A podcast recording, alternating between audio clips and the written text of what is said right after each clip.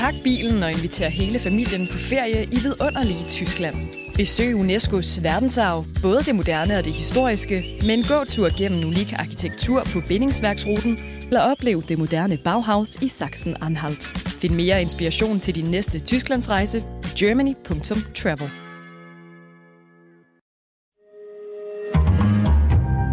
Berlingske. Der er jo ingen politikere i det her land, der reelt har visioner. Magtafgangse, siger jeg bare. Priserne stiger og stiger og stiger. Hvad gør vi ved det? Jeg er så træt af at høre på alt den spil. Det burde være et korps ombudsmænd, der holdt bolden. Det giver ingen mening. Velkommen til en af de fine københavnske salonger. Velkommen til to gæster, som jeg har glædet mig meget til at kunne byde velkommen. Margrethe Vestager, EU's konkurrencekommissær og ledende næstformand, og også tidligere dansk minister og leder af de radikale.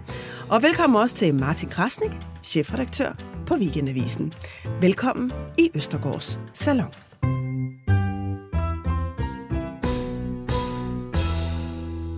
Mange tak, fordi I vil komme. Det er en fornøjelse at være her. Det er det. Er I kommet godt ind i det nye år? Har I sådan nogle øh, nytårsforsæt på egne eller verdens vegne, for nu bare at starte et sted? Altså på egne vegne, øh, nej. Øh, min mormor sagde, at man skal ikke begynde noget på en mandag. Man skal begynde, når man får tanken. Ja. Og det, det kan jeg egentlig meget godt lide. Så, øh, så jeg er begyndt et, et meget, meget langsomt løbeprogram allerede før jul. Nu må vi se, hvor langt jeg kommer Udmærket, det. udmærket. Øh, ja. Nej, i forhold til, øh, til det, jeg arbejder med, så er mit nytårsfortsæt, det er handling. Jeg har, har arbejdet med meget lovgivning øh, i de seneste år, og det skal jo nu virkelig gøres. Og min erfaring er også fra dansk politik, at det er svært at få vedtaget lovgivning. Det er tusind gange sværere at føre det ud i livet og håndhæve det og sørge for, at virkeligheden ændrer sig. Mm. Så, øh, så det har jeg øjnene stift rettet mod. Okay. Martin? Måske hænger det med verden og, og, og mig selv sammen. Jeg, jeg tror, det vil være, man skal måske ikke være så hårdmodig at have et nytårsforsæt på verdens vegne, selvom man da virkelig har lyst til det for tiden. Ikke? Men, men på egne vegne, så har jeg, har jeg altid den der fornemmelse lige efter nytår, de første, den første uge i januar, man tænker, ah, friskt, det er nyt. Mm, crisp Væk nyt med alt det år. gamle lort, man nu har så slæbt ned i kælderen. Og man har også lyst til at slæve 2022 ned i kælderen. Men jeg har også lyst til at, at værfe den der fornemmelse af undtagelsestilstand af mig, som jo ikke bare for mig, men for mange andre, for hele tiden sætter sådan en, mm. en, en, en, en en begrænsning, nogle Ja. snævre rammer for, hvad, det ja, vi skal her. lige igennem det her, før mm. vi virkelig slipper os fri. Ikke bare, hvordan vi lever, ja. og hvordan vi udfolder os i tilværelsen, også hvordan vi tænker, fordi der alligevel er nogle ting, der er så anderledes og truende, at vi måske skal lægge mere bånd for, på os selv, og det går ikke. Det synes jeg da er dejligt nytårsforsæt. Det synes jeg sådan også. at gå ind... Øh... Ja, og jeg synes allerede, det går bedre med det. Nå, det er Ja. godt, det er godt. Øh, indgangen til 2023 var jo også en øh, mærkedag. Danmark har nu været medlem af EU, altså først EF, i 50 år. Øh, så er det jo en fornøjelse at have besøg af dig, øh, Margrethe Vestager. Også på grund af det. Lad os lige høre, hvad øh, statsministeren sagde om EU i, øh, i sin nytårstale. I Europa har vi en tendens til at forestille os, at resten af verden tænker som os og gør som os. Vi troede i mange år, at samhandel og vækst næsten per automatik vil med, medføre en fredeligere sameksistens. Vi nedrustede, de andre oprustede. Og vi har på en række områder gjort os selv for afhængige af andre. Nu ser vi, at vi var for naive. Ja, Margrethe Vestager, hvor stiller det her EU, at man kunne se, at det, der hele tiden har været værktøjet netop mere sammen, sammenhængen for at, at, at skabe fred, det i virkeligheden viste sig, at det ikke var en bæredygtig konstruktion. Jamen, jeg synes, altså det, er- det er meget øh, populært at sige, at vi har været for naive. Øh, jeg tror, det er et udtryk for, at vi er alt for venlige over for os selv. Fordi vi har sparet utrolig mange penge på at overlade øh, Europas forsvar til amerikanerne. Mm. Og vi har tjent utrolig mange penge på at handle med andre. Øh, den europæiske økonomiske model, den bygger jo på, på billig import, eller import af billig energi, import af billige råstof, råstoffer og øh, lavt løn i øh, hele vores supply chain. Mm. Og altså, hvis man skulle sige det samme, men måske på en lidt mere brutal måde, så vil jeg sige, at vi har været meget grådige. Og det er det, der er sat en stopper for. det er ikke sådan, at, at nu er de gode europæere fået revet blået fra øjnene, og nu må vi se verden, som den er. Nej, vores sædvanlige måde at skabe velstand i Europa, den ændrer sig nu helt fundamentalt. Og derfor bliver vi nødt til at tænke på os selv som nogle andre end sådan nogle øh, mødre for hele verden, øh, som, som ligesom øh, svæver over vandene og, og er meget højt udviklet og kan få andre til ligesom at se, som det er. Vi skal tænke på os selv meget mere som en global holdspiller. Nogle gange skal vi være i målmandspositionen, nogle gange øh, sikkert i angrebet, andre gange er vi defensive. Men vi bliver nødt til at have den holdmetafor for at kunne se, at de andre, som spiller på den her bane, de er vores ligeværdige. Og digitalisering er i høj grad det, som gør, at det faktisk er tilfældet. Fordi for eksempel har det jo i en række afrikanske lande, som vi måske har, har set som udviklingslande, der har du et finansielt system, som maligt matcher men det, vi du, har her. Men siger du dermed også, at vi skal indse, at EU ikke, ikke har den magt, som vi tidligere har haft? Altså paradokset er faktisk, at EU i dag har mere magt, øh, end vi tidligere har haft, fordi vi ikke ser det som institutionel magt, men som, som handlings, altså som, som aktionsmagt. Det for eksempel, jeg var i Nigeria sidste år øh, for at, øh, at lancere en aftale, hvor vi fra europæisk side investerer i digital infrastruktur, samtidig med, at vi investerer i digital governance, altså den måde, de lovgiver på. Sådan at de også lovgiver øh, i forhold til deres digitalisering med et demokratisk udgangspunkt. Og, og det er jo meget mere end at komme med en løftet pegefinger og sige, nu skal I se her, hvor dygtige I kan blive, i forhold til, hvor dygtige vi er.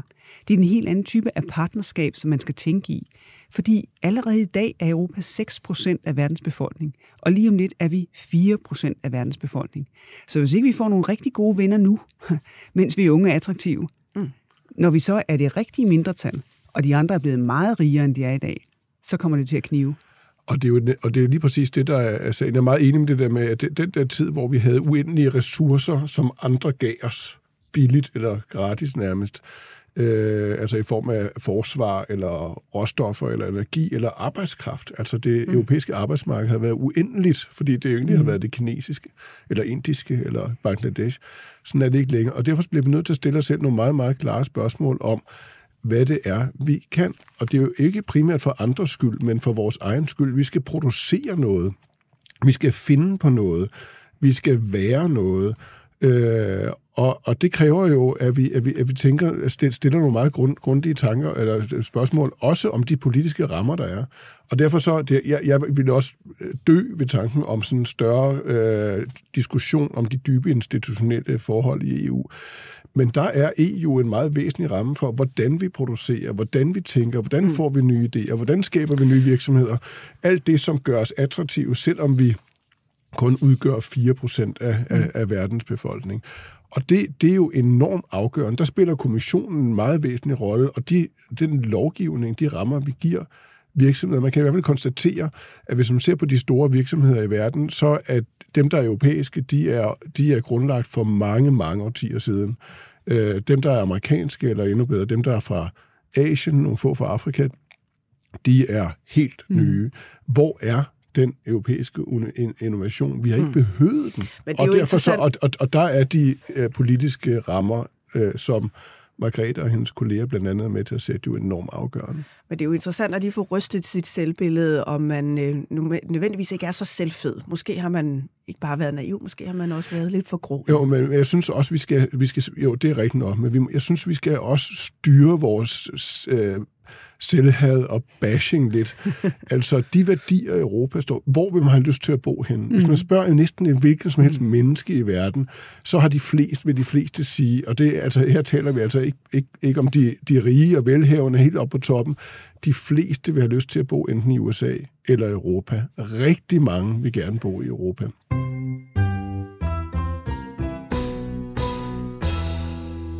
Ja, jeg stopper der lige der, for vi kommer til at tale øh, meget mere om øh, EU, men først så skal vi også lige have en lille øh, status på dansk politik. Øhm, for efter et halvt år i nærmeste undtagelsestilstand, først med en valgkamp og så med regeringsforhandlinger, så venter nu for alvor et arbejdsår for den nye regering.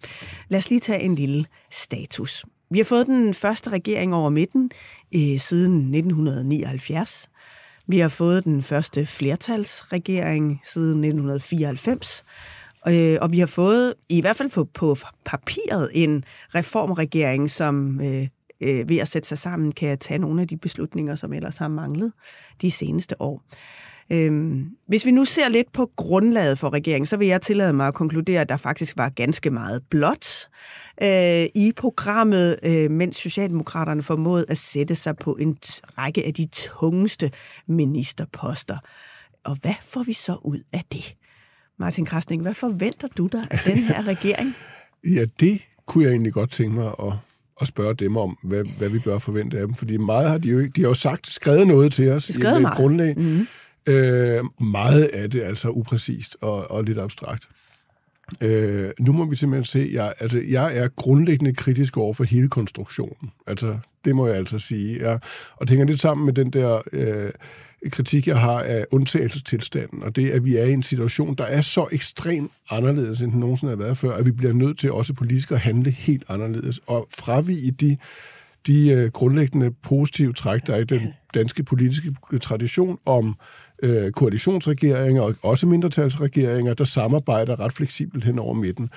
Jeg tror ikke rigtigt på, må jeg sige, at de ting, som der skal gennemføres, og jo helt åbenlyst skal gennemføres, ikke ville kunne være gennemført øh, med en enten en blå regering eller en rød regering i samarbejde hen over midten. Altså, vi har gennemført kæmpe reformer på den måde. Jeg synes, det er en uigennemsigtig konstruktion. Jeg bryder mig ikke om, at, den, at, at stemningen i den her regering om, at de nu bare er helt tavse, så kan vi ligesom afvente, hvad det her flertal så øh, bringer øh, bringer til os. Øh, altså, jeg, jeg synes, der er noget helt noget grundlæggende underligt over det. Det må jeg sige. Margrethe Vestager, en regering hen over midten, for første gang siden 1979. Det er jo sådan en konstruktion, som de radikale vel altid har ønsket sig, det der samarbejde hen over midten. Hvad har du forventninger til den nye regering? Altså, jeg har tænkt mig at møde den med åbent sind. Fordi øh, det, det er svært at, at helt se, hvad kommer der ud af det regeringsgrundlag. Altså, der er mange, jeg synes, der er mange virkelig spændende og interessante ting i det, men det er, det er svært på nuværende tidspunkt at sige, okay, jamen det er så det, vi får, og det, vi får, og, og det, vi får. Øh, jeg havde måske ønsket mig, at øh, ansvaret for digitalisering ikke var for den postnummer, så vidt jeg husker, 22 mm. i, øh, i, den, i rangordningen. Nede sammen med ligestilling. Ja, øh, og, og ligestilling kunne måske også have været ja. højere op, øh, som det ene, og som det andet, og det kan være, fordi jeg bare ikke har læst tæt nok ind på det. Danmark har jo formandskabet for EU i 25, øh, så jeg var også sådan lidt, hvor er, hvor er Europaministeren henne? Fordi der er, altså, man skal jo ind i kampen. Det er nu, øh, man begynder at, at planlægge. Det er nu, man begynder at få indflydelse på, hvilken dagsorden der sættes. Det er ikke i de seks måneder, man har formandskabet. Det er i årene før, og det er, hvad skal man sige, i, i, i årene efter, øh, når man giver, øh, giver mødehammeren videre. Så, øh, så, så jeg, er, jeg er meget spændt på, hvad det bliver til, og også hvordan deres, øh, deres indre dynamik vil være. Hvad, er du ked af, at de radikale ikke er med i regeringen? Det, jeg synes, det er helt utrolig svært. Altså, mit parti fik så læsterlige bank øh, mm. i det valg. Og, øh, og det er svært, når man har fået virkelig øh, massiv bank af, af vælgerne, så at sige, øh, vi vil ind og, og, og svinge med, med takstokken. Så, så jeg ved faktisk ikke rigtig, hvad jeg skal mene om det. Mm. Men, men det bliver mega interessant at se, fordi man kan jo ikke være i den sædvanlige oppositionsrolle til en flertalsregering, som man kan i, til en mindretalsregering. Og, og, og vel heller ikke i en sædvanlig radikal oppositionsrolle til en regering, som man egentlig grundlæggende sådan helt eksistentielt støtter. Altså i hvert fald tror jeg, der er mange af de, øh, de politik... Øh, forslag og de idéer, de mm. hensigtserklæringer, der er i regeringsgrundlaget, som som sagtens skulle være skrevet Nemlig. radikale. Jeg synes, det må være enormt mærkeligt at være radikale. Jeg tænker også, det må være mærkeligt at være dig, som, som jo tilhører den gruppe af pragmatikere med et stærkt idealistisk islet bevares, men pragmatikere i partiet, som, som øh, og så stå udenfor, som jo altid har ønsket at gå i regering, tage magt, tage ansvar mm. og, og samarbejde hen over midten. Øh, og så sige nej til det her regeringsgrundlag. Altså, det, altså det, jeg synes, det efterlader de radikale i en helt bizarre position. Tilbage i et sted, som partiet vel synes jeg slet ikke burde være, altså som et venstrefløjsparti. Men Vestager, jeg ved jo, du har jo også, du sad jo også som partiformand for de radikale på et tidspunkt, hvor I også var nede og og lugt ved spærregrænsen, hvor du selv sagde, og som der, sagde, der lugter der grimt. Fælt, der lugter rigtig fælt, ikke? Og så øh, blomstrede partiet også. Du har ligesom oplevet begge dele. Hvad er et godt råd at give videre til dem, der sidder i rummet nu, om hvordan man bedst kommer igennem sådan en krise, som vi vil sige, de radikale står i? Men, men det kan man ikke. Altså, man må lære tingene selv. Altså, der er ikke noget så... Jeg tror, alle, det er ligesom, øh, man, man ser på nogle ting, men kan man ikke, kan man ikke give jer erfaring intravenøst? Og det er så uvelkommen, Ej, som noget overhovedet se, kan, kan være. Man kan se på din egen erfaring. Jeg har al respekt for, at du ikke kan sige, hvad du nok mener, men øh, øh, øh, og det er jo, vil jeg formode sådan lidt frit, at, at hvis man nu ser på jeres erfaring, så, så altså, da du var i spidsen for partiet og indgik i en, i en, i en øh, regering, med, der trak jo hele Rød Blok meget kraftigt hen over midten, der gav det jo enormt stor opbakning til de radikale. Altså det var en succes. De radikale vælgere ønsker at tage den rolle, eller partiet tager den rolle på sig. Og det, at man har sagt nej til det, altså jeg tror, og jeg er sikker på, at meget få radikale vælgere kan se fornuften i det. Og det er efterlader partiet et helt underligt sted i partiets historie. Altså i hvert fald så er, er jeg stolt af de ting, som vi lavede i regeringssamarbejde med Socialdemokratiet og med Folketingets partier, fordi det var med til at skabe grundlaget for, øh, for den meget sunde danske økonomi, som jo gjorde, at, at pandemien, at vi havde råd til det. Altså, Danmark er i en meget, meget stærk situation. Hvis man ser på de andre europæiske lande, så er Danmark i næsten alle forhold en outlier, fordi dansk økonomi er så stærk, som den er. Og nu har der så ikke været truffet nogle af de reformbeslutninger de seneste år, så det er også ved at være tid til at, at tage nogle af dem igen. Og det skal så gøres nu, men uden de radikale.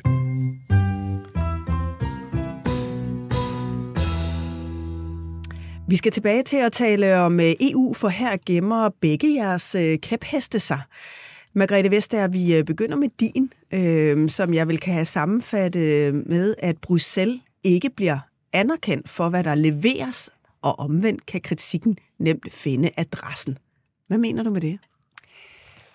Altså, jeg, jeg mener, at der er åbenlyse ting at kritisere øh, den europæiske del af vores demokrati for, men der er også åbenlyse ting at, øh, at kreditere det for som, øh, som nogle gange ligesom smutter hjem og bliver til en, øh, en national sejr i stedet for. Øh, jeg tror, det var her til morgen, hvor, øh, hvor der var en virkelig god nyhed om, at øh, cigaretfabrikanter skal betale for, at der bliver ryddet op, øh, når skodderne de bliver samlet op. Det er faktisk også på baggrund af europæisk lovgivning. Det er ikke en, øh, en dansk sejr. Vi har lige fået øremærket barsel til mænd. Øh, det er også på baggrund af europæisk øh, lovgivning. Da vi i sin tid fik øh, ligeløn øh, tilbage i 73, var det på baggrund af europæisk lovgivning. Øh, hele tech-lovgivningen er europæisk. Øh, der, der meldte Danmark sig ind, jeg tror, da vi havde diskuteret de europæiske lovforslag i en, øh, 4-6 måneder, øh, og sagde, øh, vi vil også være med. Så, så der er faktisk mange eksempler på, at, at noget bliver, bliver præsenteret som en, øh, en dansk sejr, selvom det faktisk er danske europaparlamentarikere. Men det er da også en meget nem sejr at tage, når nogen lige har gjort hele fodarbejdet, og så kan man, øh, så kan man stå der som dansk politiker og sige, det er da også strålende, at vi skal have cigaretskodderne samlet op.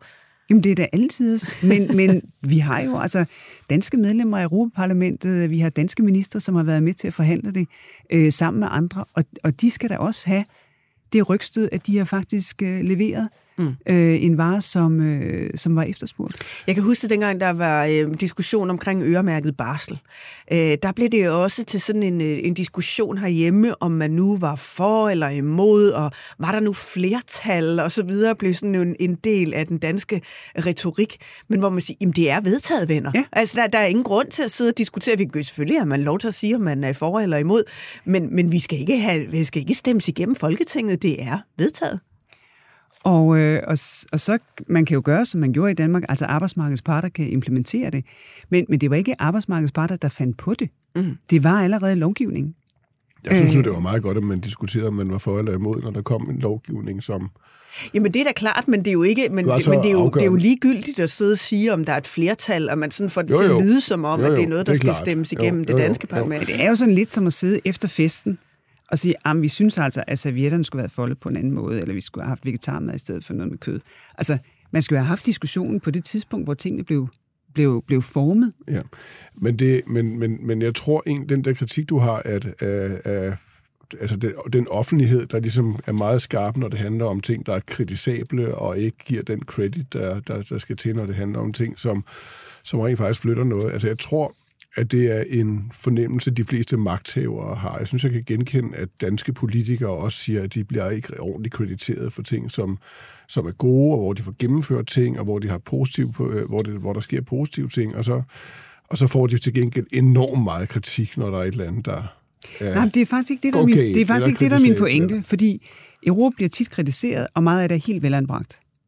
Men når vores europæiske demokrati leverer noget, så synes jeg, det er fair nok at sige, det er faktisk noget, som vi har vedtaget, fordi det er jo os, altså det er jo, det er jo danske medlemmer af Europaparlamentet, som er med til det.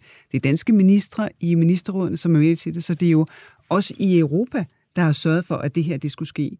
Så det er ikke for at sige, øh, vi får aldrig ros for alt det gode, vi gør. Øh, nej, det er for at sige, når, når, øh, når der er noget at rose, jamen, så lad det finde den rette øh, adresse. Øh, fordi samtidig, helt i begyndelsen af, medlemskabet, så, øh, så var det en dansk idé, at vi skulle have, at de danske standarder for agurker blev europæiske agurkestandarder.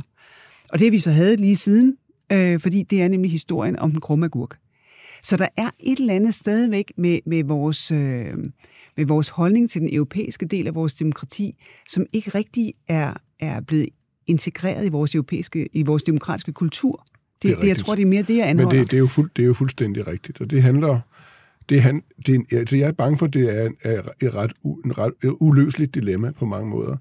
Øh, så, øh, og det handler om afstand. Det handler om, øh, om det, den, øh, altså den identifikation, som de fleste har med deres nationale systemer og politiske øh, institutioner og, og konkrete nationale politikere. Altså den afstand, der er til, til, til, til Bruxelles og Strasbourg og parlamentet. Altså det, det tror jeg, jeg tror, det er meget svært øh, at få den identifikation, men, men man får det jo alligevel indirekte, fordi grunden til, for at komme tilbage til, hvorfor er det, folk gerne vil bo i Europa? Hvorfor er det, folk flygter i altså, mm. tusindvis til Europa? Det er jo ikke bare for at få et arbejde. Det arbejde handler også om, hvordan man kan udfolde sin tilværelse i, i frihed og øh, og, og med råderet over sit, sit eget liv. Altså det, det, det, er jo, det er jo det, EU har været i stand til at give de europæiske lande på en langt mere stabil og sikker måde, end vi nogensinde har oplevet før.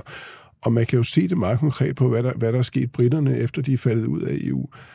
Altså, de har jo fortrudt på det grusomste. De har ikke selv den, altså det konservative parti, der stod i spidsen for Brexit, har jo ikke været i stand til at gøre noget af det, de havde lovet, der kunne komme i stedet.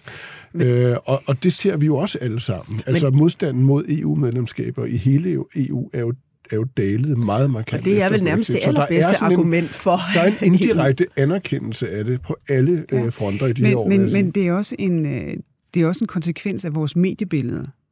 Fordi, altså bare sådan et øh, tal, det jeg tror, der er 14 danske korrespondenter i øh, Bruxelles, og de dækker så typisk alt i Europa.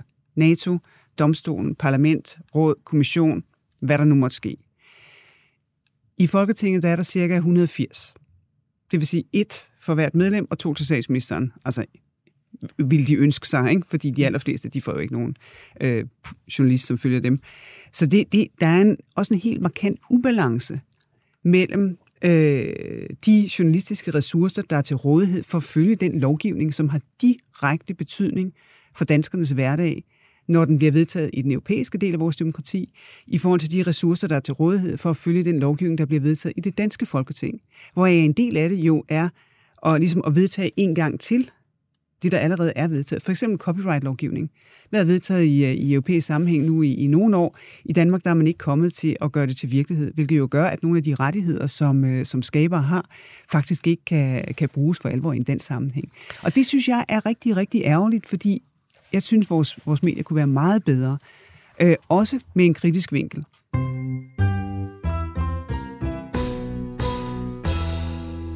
Vi hopper videre til øh, din kæphest, Martin, som jo faktisk øh, også er en øh, kritik af EU. Øhm, du er bekymret for, øh, om censuren i EU er ved at brede sig.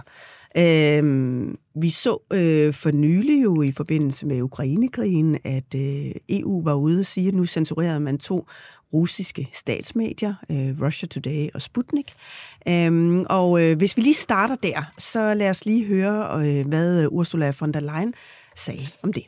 We will ban in the European Union the Kremlin's media machine.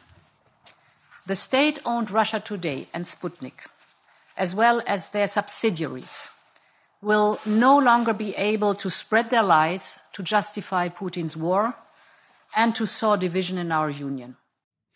Ja, det her er jo øh, et eksempel, kan man sige. Der er også, ja. Øh, der er også andre. Men hvis vi lige, hvis vi lige opholder os et, et øjeblik ved det her med, at der er, øh, der er disinformation, eller der er særlige medier, som man ikke synes skal spredes til Europa.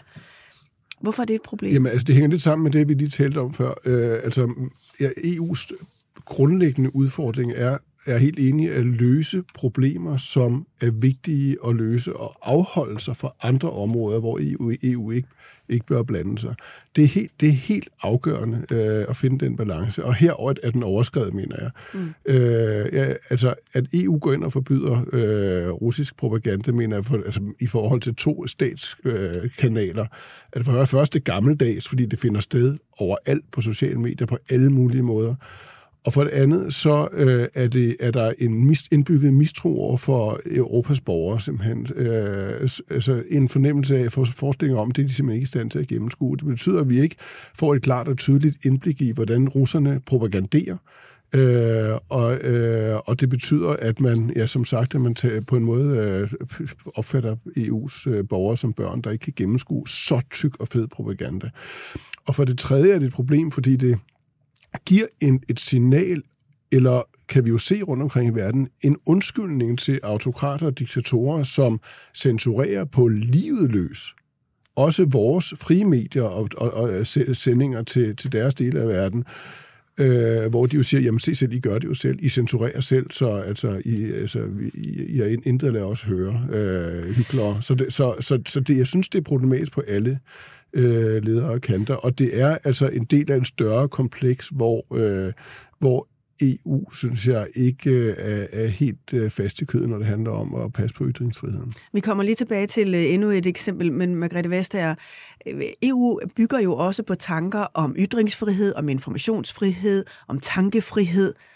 Hvorfor tog I det skridt fra kommissionens side at sige, der er simpelthen nogle medier her, vi mener, der skal censureres? Det gjorde vi, fordi vi er i en øh, hybrid øh, krigsførelse. Og, øh, og den måde at, at manipulere med vores øh, tankegang på er helt integreret med, øh, med de droner og, øh, og de missiler, som, øh, som russerne sender ned over øh, ukrainske borgere. Øh, de to ting hænger, hænger fuldstændig sammen. Hvorfor hænger det fuldstændig sammen? Fordi der er, det er så vigtigt øh, for russerne at have en, øh, en, en europæisk åbenhed for, at de også godt kunne have en lille bit smule ret. Øh, at de måske også var lidt ofre øh, for, at, øh, at Ukraine godt kunne tænke sig at være mere øh, europæisk. Så, så derfor så er, er propagandaen og manipulationen fra, øh, fra de russiske statsejede medier, de er fuldstændig integreret med, med resten af deres krigsførelse. Og det er selvfølgelig rigtigt, det er ikke, det er ikke komplet, fordi sociale medier spiller en anden rolle. Men, men jeg synes, det er vigtigt, jeg var en del af, af den beslutning, og, øh, og, og se hele det billede imod, af, af krigsførelse, som, øh, som vi er udsat for. Men, men det er jo rigtigt, som Martin siger, øh, hvorfor skal vi ikke have indblik i den propaganda, så vi selv kritisk kan forholde os til, hvad det er, der sker, og hvor vanvittigt vi sikkert synes, at russerne er i mange tilfælde. Altså nu fandt jeg bare en øh, overskrift her fra Russia Today, som er Amerikanske biologiske eksperimenter gør ukrainske soldater til onde og dødbringende monstre. Altså, øh, øh, vi, vi skulle jo gerne selv kunne være i stand til at kunne se, at her er noget, som er så vanvittigt. Selvfølgelig skal vi kunne bekæmpe det. Altså, kan det i virkeligheden ikke være et argument mod Rusland? Men, men prøv at høre, for... Berlingske Tidene øh, bruger de her mekanismer hver eneste dag, som når I laver clickbait, øh, med overskrifter, mm. hvor man tænker, jamen hvorfor ser folk ikke, at det her det vil være fuldstændig vanvittigt at bruge et klik, fordi der er jo ingenting inden under øh, den her overskrift. Altså, det er, jo, det er jo bare manipulation. Det er jo ikke noget med ytringsfrihed, eller, eller vi skal da kunne se igennem det hele. Vi, har, vi, har, vi bliver udsat for krigsførelse. Og, øh, og så kan man, man kan finde alle mulige informationer øh, om øh, russisk øh, propaganda alle mulige andre steder. Men at man ikke vil sætte ind over for den del af krigsførelsen, som er rettet direkte mod vores hjerner, og hvor man ved, fordi alle bruger light-versionen, at det virker 100 procent. Det, det, det synes jeg er... Altså, jeg synes, det er en virkelig, virkelig øh, vigtig diskussion, fordi vi er jo inde i et sted, hvor der er nogle grænseflader mellem, hvor, hvor, hvornår holder det op med at være ytringsfrihed, og hvornår bliver det manipulation og propaganda, og noget, der er en del af krigsførelsen. Men der er bare et rum til at diskutere det, fordi det er ikke alting. der er en fri ytring. Jamen, det, det er jo helt åbenlyst. Det synes mm. jeg er en banalitet at sige. Altså, det, det, er, det er helt åbenlyst. Øh, men, men, men, men det er en for lille del øh, af den russiske propaganda at sætte så drakonisk øh, værktøj i brug overfor. Det, det er jo meget drakonisk at gå ind og, og, og forbyde øh, udenlandske tv-kanaler overhovedet at operere i Europa. Og, og jeg siger bare igen, at det, hvis man taler med, med frie medier og journalister fra Rusland, fra fra, fra, fra, øh, fra hele det, det område, men også fra resten af verden, fra Kina, fra, øh, fra de arabiske lande, fra Tyrkiet, særligt Tyrkiet i de her år, så siger de, I skal passe meget, meget på med, de der, øh, med, med at indføre de der begrænsninger af ytringsfriheden, eller alle mulige andre begrænsninger i, i demokrati og retssikkerhed, fordi det bliver brugt lige med det samme som undskyldning for, af, af, af magthaverne i de lande til at sige, I er hyggelige, I gør præcis det samme. Og det værste ved det hele, det er, at man ikke bare kan afvise det fuldstændig, fordi det netop er en gråzone. Mm. Der er øh, grænseflader, og lige nu flytter de grænseflader, så, mener jeg, i vores del af verden på en, på en, på en bekymrende måde. Men, men det, det er en, en helt afgørende diskussion, fordi vi har gjort det i, i, i vores demokratier og i tiltagende grad. Altså i Danmark er der jo også nu lovgivning imod hadsk tale. Øh, der er lovgivning imod, øh, og det er i grundloven, man må ikke opvikle, tror jeg det hedder, til, øh, mm. til, til vold. Og det er jo også det er jo begrænsninger på ytringsfriheden hver gang. Og ja. det som øh, de skridt, som man nu har taget, det er, at det skal så også gælde i vores digitale verden. Og det, det gør jo, at der er nogle afvejninger, der skal ske, som i sidste ende må finde deres vej til, til domstolen. Fordi det er kun der, man ligesom kan sige, her er så den endelige grænse, om man så må sige. Mm. Fordi når du, øh, hvis du bliver udsat for, for hadsk tale foran øh, Christiansborg i en demonstration, jamen så kan du øh, rejse en anklage, øh, du ved, hvem det er, der har sagt det. Det, at vi nu også gerne vil have, at det finder sted digitalt, det er jo selvfølgelig også et skridt, som skal tages med meget, meget stor øh, vagtsomhed, fordi at risikoen er jo, at der er alt for meget, der kommer til men jeg at synes, Men jeg synes bare ikke, at der er den der vaksomhed. Rigtigt. Nu, nu har EU gennemført den her DSA, Digital Services Act, øh, sidste i, i november. Øh, der er jo sikkert nogen, der vil sige, måske dig, der vil sige, at det var en lang proces, men det virkede meget kaotisk til sidst, den måde, det kom, øh, det kom til på. Og, og, og meningen er jo altså, at de sociale medieplatformer skal regulere sig, så, så forskellige ting, hads tale, ulovligt tale, øh, ulovligt indhold, men også indhold, som de kalder øh, som, som, som, som, øh, som har forbindelse til systemrisiko, tror jeg, det, det bliver formuleret. De skal også fjernes. Det er sådan noget, hvis der er krig eller pandemi eller sådan nogle voldsomme ting. Og alt det er, er jo i virkeligheden elastik i metermål. Det kan defineres på alle mulige måder, og bliver defineret også internt mellem EU-landene på forskellige måder. Mm. Noget ulovligt på andre måder i, i Tyskland, Polen, øh, Tjekkiet, end det er i Danmark, Frankrig eller Holland. Og det betyder, at man tvinger de sociale medieplatforme til at censurere på vegne af nationale, lov, altså nationale øh, forskelle, og det mener jeg, det kan jeg slet ikke se kan være EU's interesse. Øh, plus at det er jer, altså kommissionen, der har fået mandat til at håndhæve det og sørge for, at Twitter og, og, og hvad hedder det, de forskellige, øh, og, og Facebook og, og Instagram håndhæver det.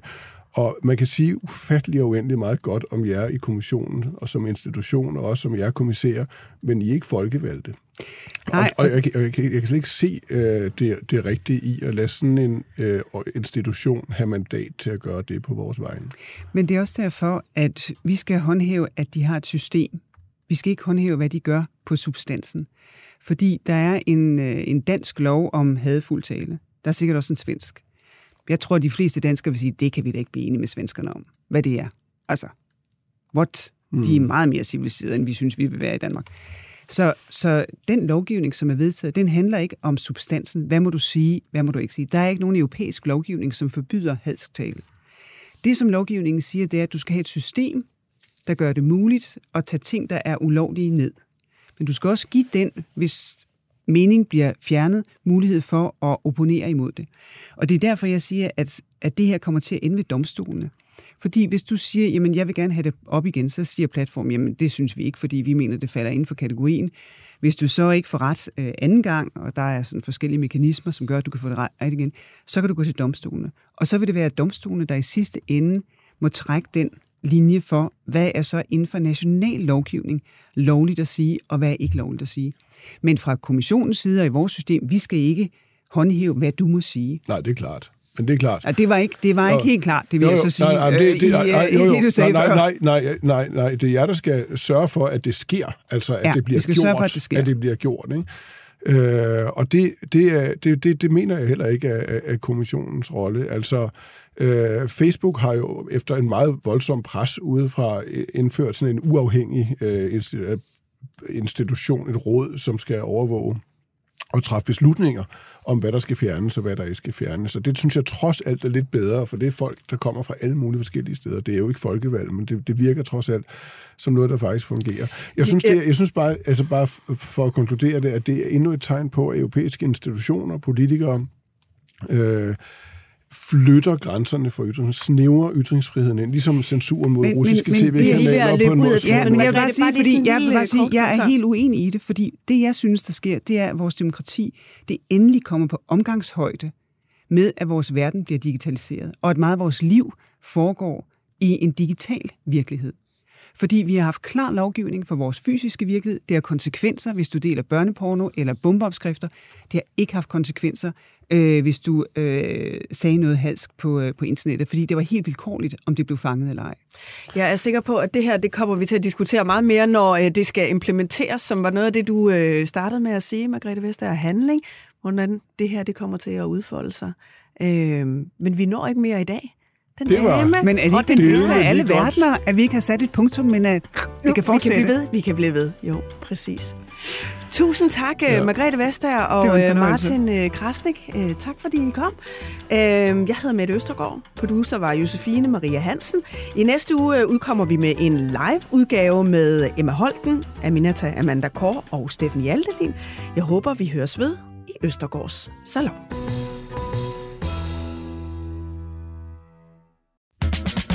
Vidste du, at Tyskland har 52 unikke grunde til at få pakket bilen og komme afsted?